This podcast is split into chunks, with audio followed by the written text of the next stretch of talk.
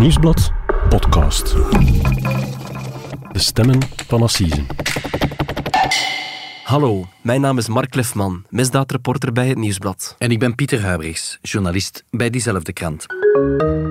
En dit is onze podcast, De Stemmen van Assise, waarbij we u meenemen achter de schermen van elk belangrijk proces. En vandaag hebben we het over Guy Pardaans, een zestiger uit Gerardsbergen. Hij sloeg zijn ex met een hamer dood en liet zijn eigen woning ontploffen.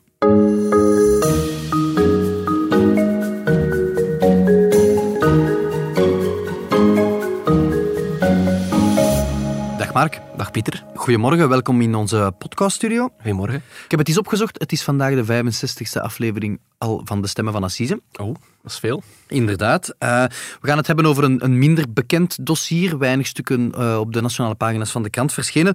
Maar daarom uh, niet minder interessant natuurlijk. Hè. Zeer opmerkelijke feiten. vier jaar geleden is in Ophasselt, dat is een deelgemeente van Gerardsbergen in Oost-Vlaanderen, een 53-jarige vrouw vermoord. Haar naam is Nicole van Asche.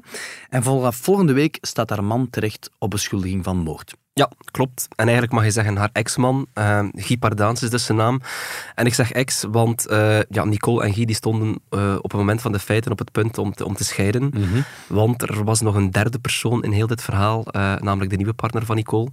En hij speelt geen bijrolletje in dit verhaal, want het, het, lijkt erop dat hij ook bijna een slachtoffer werd van Guy Pardaans. Want Guy Pardaans wordt naast moord ook nog vervolgd voor pogingmoord op die man. Ah ja, dus moord, moord op zijn ex, pogingmoord op de nieuwe partner van de ex, ja. en een scheiding die bijna uh, voltrokken was.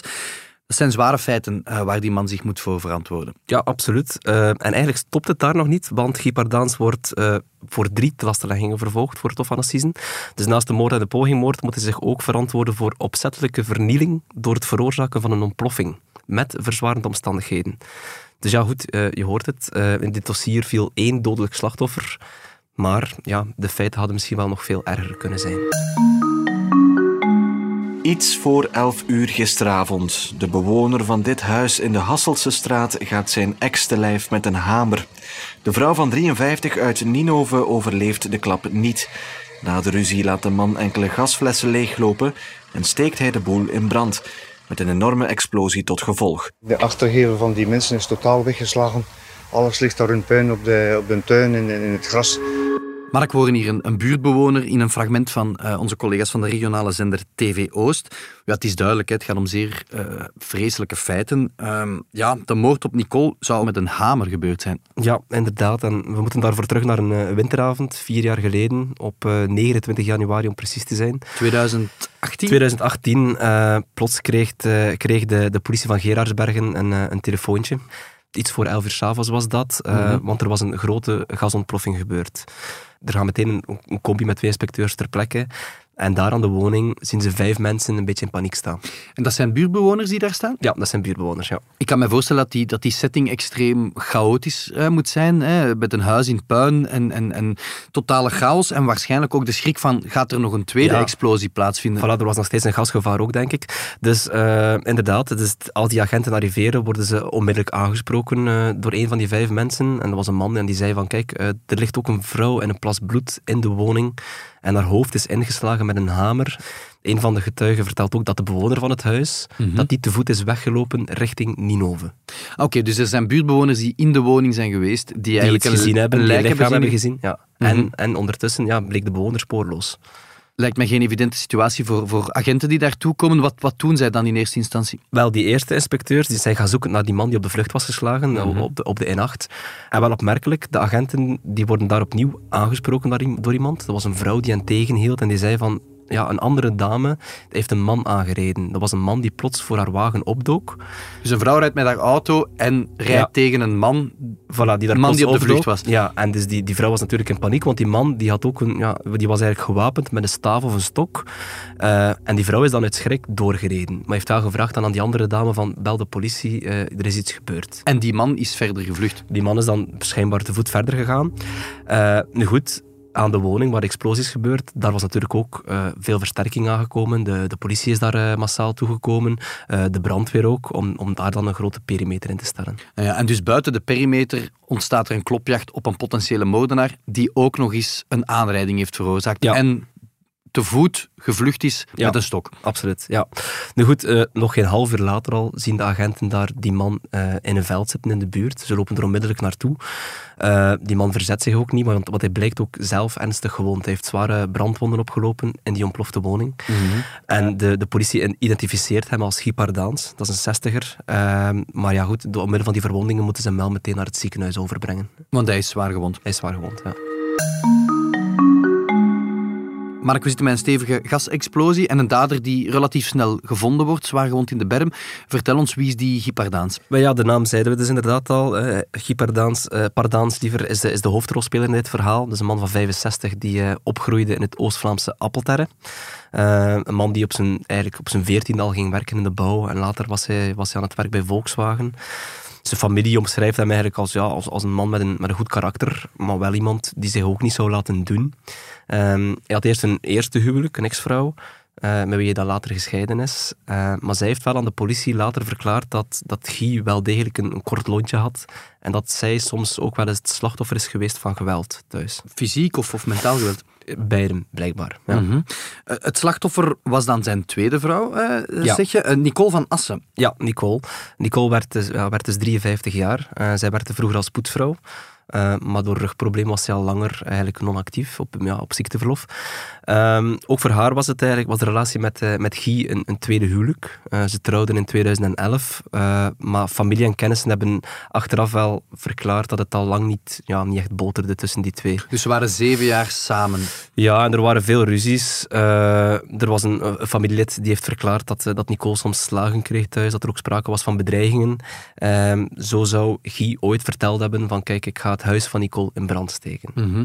Klinkt als een, een zeer woelige, moeilijke relatie. Eh, die twee die leefden op het einde niet meer samen. Nee, inderdaad. Eh, al ging zij blijkbaar wel nog eh, regelmatig bij hem op bezoek. Eh, want er was ook, ja, blijkbaar uit het dossier blijkt dat er ook wel nog sprake was van, van liefdevolle momenten tussen die twee. Guy zou blijkbaar nog een, eh, een cadeautje voor Valentijn gekocht hebben, kort voor de feiten. Maar goed, het is wel duidelijk dat voor Nicole de relatie voorbij was, want zij had drie maanden eh, voor haar overlijden iemand anders leren kennen, dus die andere man. Jan heet hij. En met hem was, ze dus ook een, was, was zij een nieuwe relatie begonnen. En ja, het lijkt er een beetje op dat, of daar gaat het gerecht ook vanuit, dat Guy Pardaans dat niet kon verkroppen.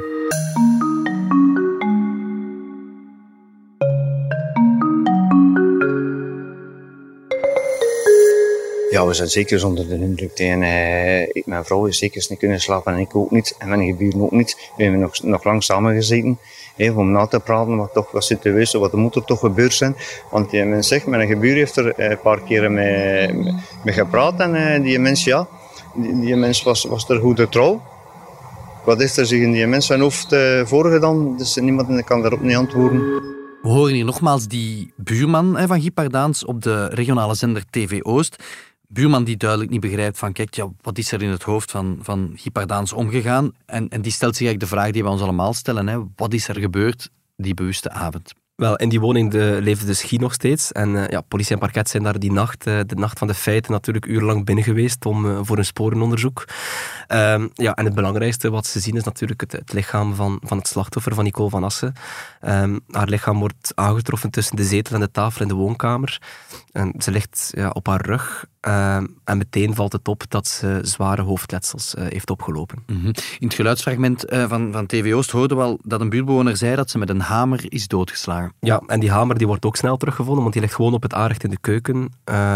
Ja, er, zijn, is ook geen discussie over dat dat het moordwapen is, zeg maar. Want ja, er zijn duidelijke sporen van bloed en haren op.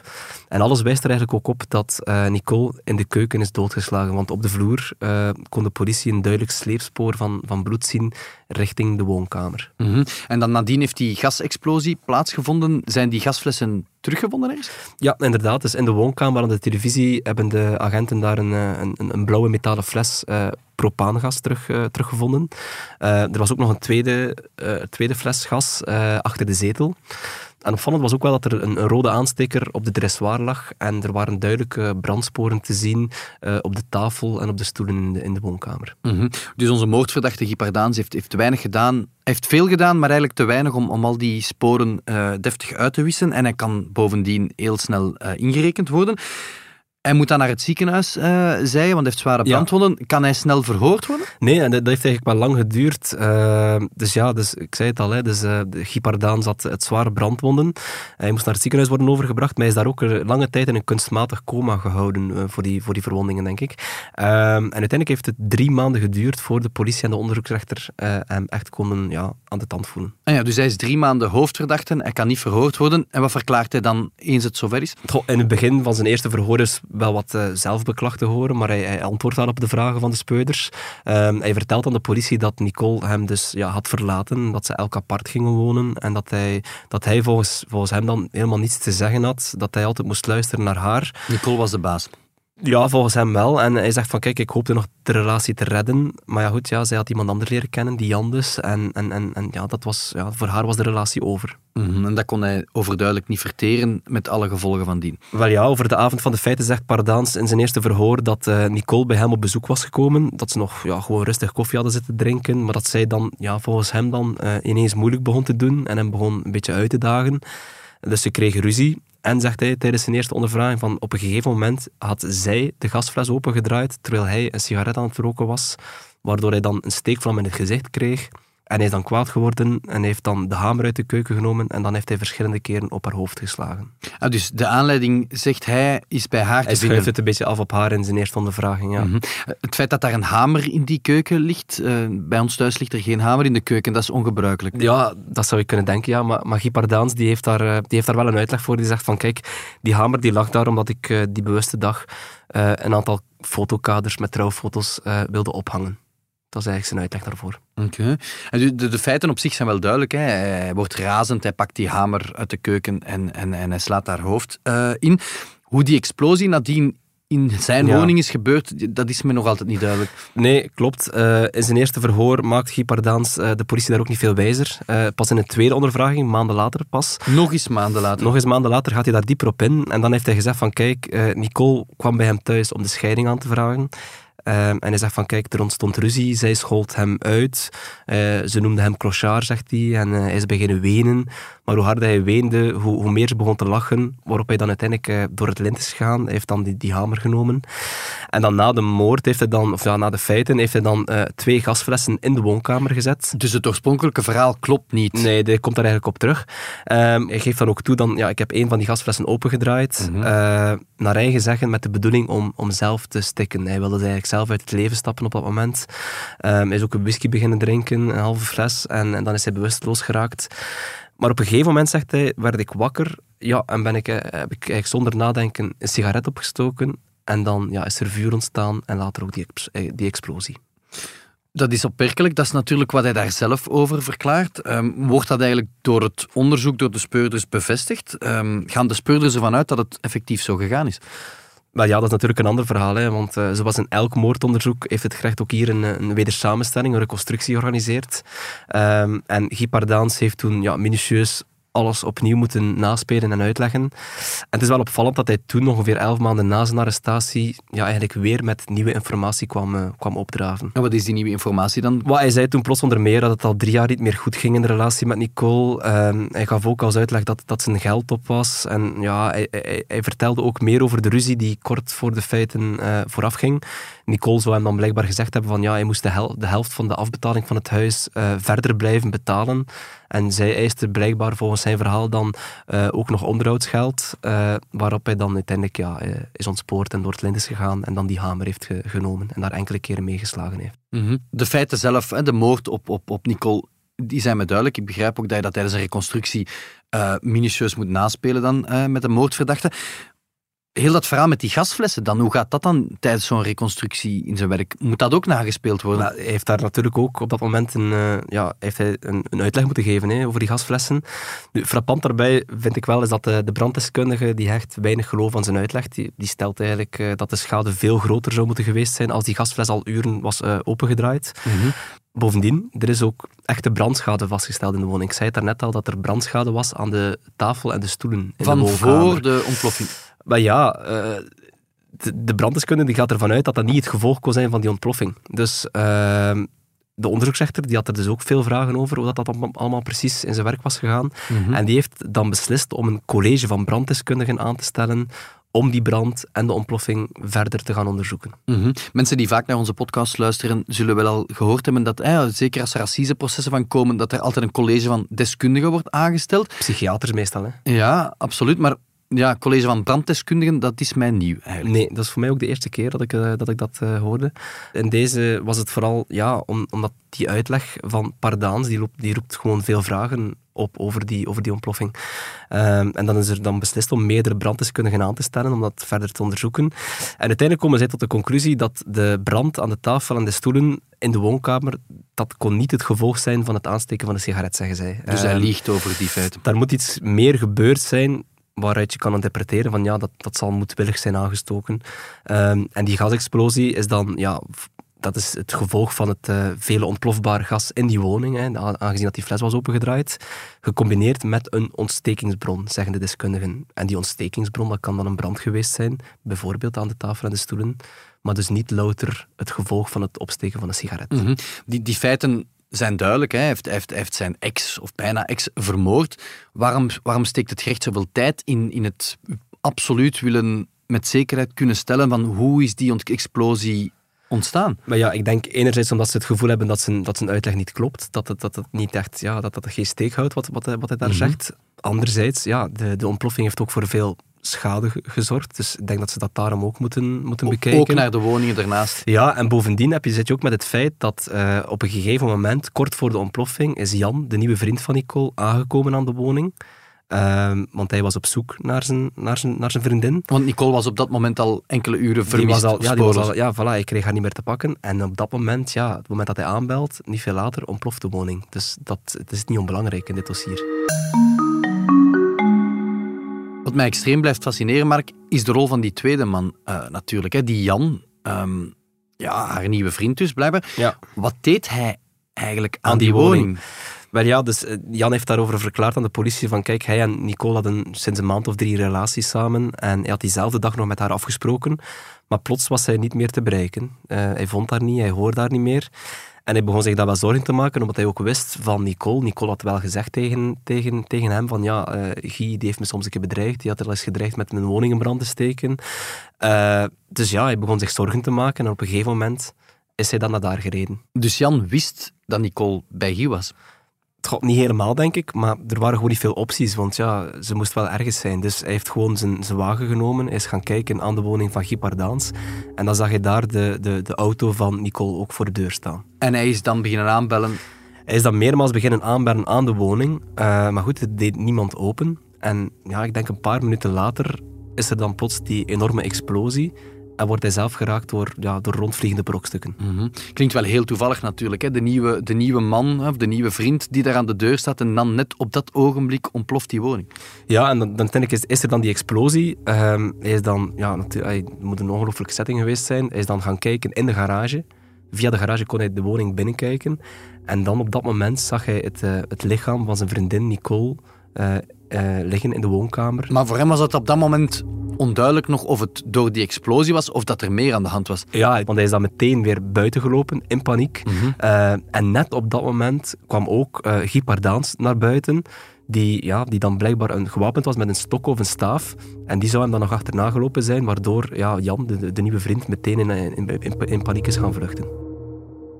Ja, je zou van minder natuurlijk op de vlucht slaan als, als zo iemand dan met een stok achter jou Ja, komt. absoluut. En dan in die paniek heeft hij dan ook een andere wagen tegengehouden, eh, die hem dan geholpen heeft om hem zo, zo naar de politie te brengen. En heeft het onderzoek eh, door de speurders eigenlijk finaal uitgemaakt wat Nicole die bewuste dag eigenlijk in die woning deed? Maar het, is, geweten dat ze op een of andere manier hadden ze wel nog veel contact, hè, Guy en Nicole. Nu goed, was dat voor de scheiding of de afhandeling van de centen? Ik weet, ik weet het niet zo goed. Haar vriend Jan die zegt, eh, die heeft verklaard aan de politie dat hij dat ook niet helemaal snapte. Hij begrijpt eigenlijk niet waarom Nicole uitgerekend die dag er nog, eh, er nog geweest was. Want meestal zou ze dat wel vertellen. En toen had ze dat niet gedaan. Dus ja, goed, misschien is het vermoeden dan dat, dat Guy Nicole in de val heeft gelokt op een, op een of andere manier. Maar goed, ja, dat zal misschien blijken op het assiseproces eh deze week.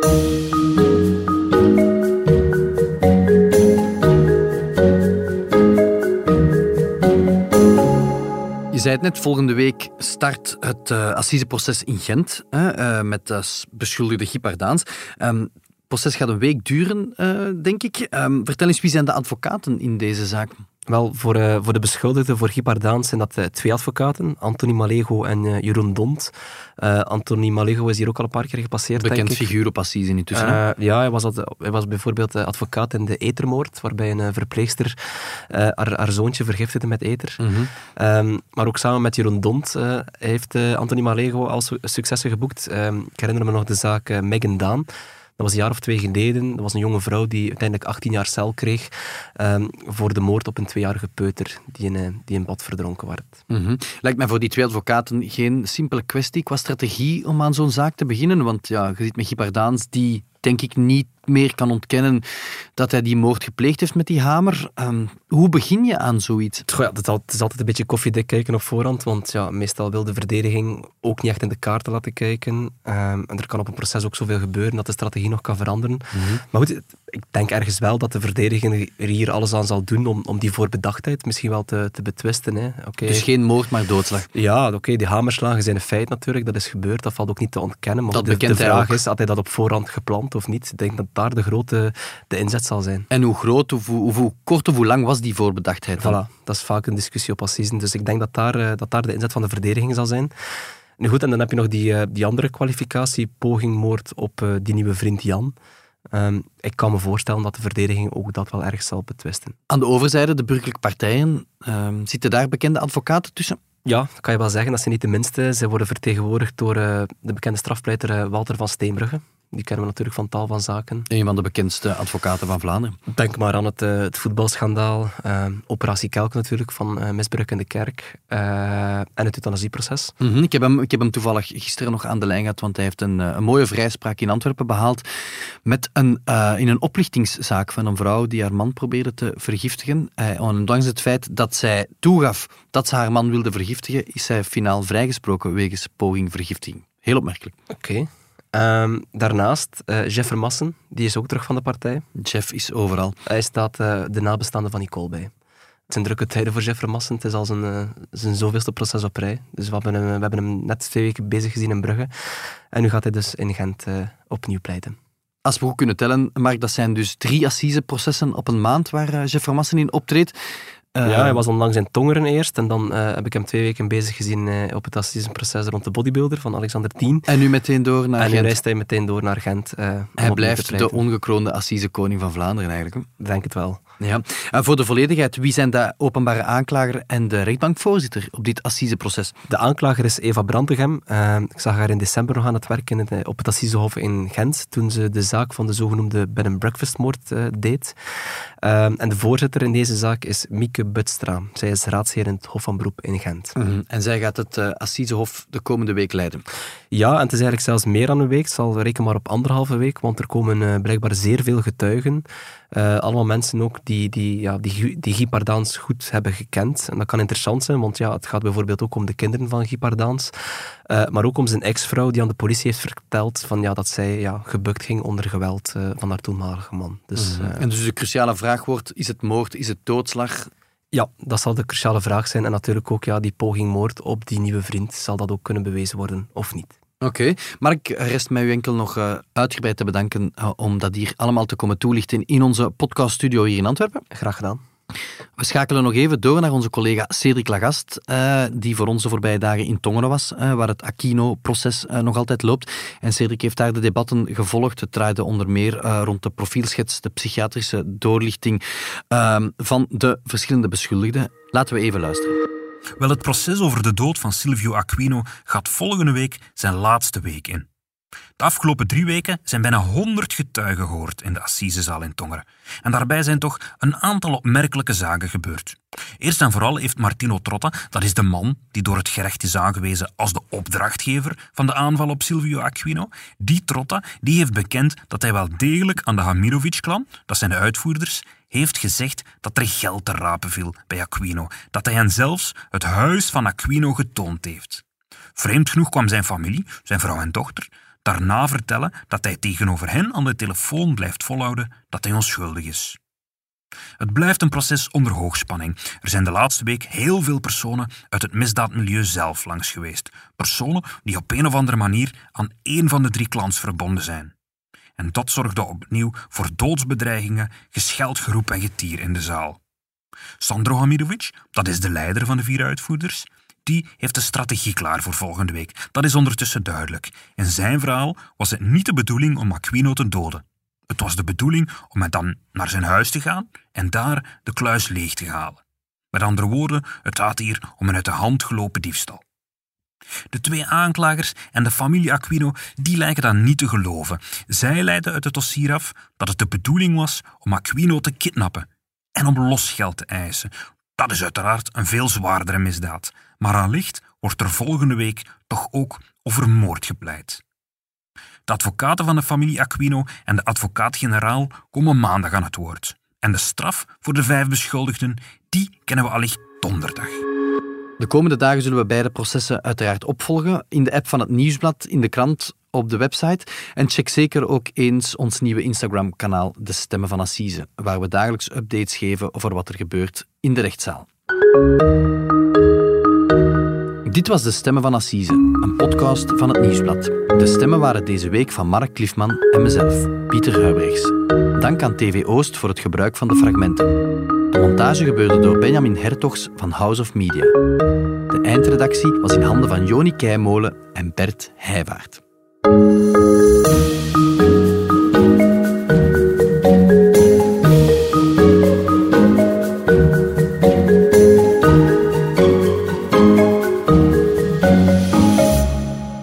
Heb je de andere podcasts van het Nieuwsblad al beluisterd? Seks verandert alles, Het punt van Van Impe, Vrolijke Vrekken, Shotcast en De koers is van ons.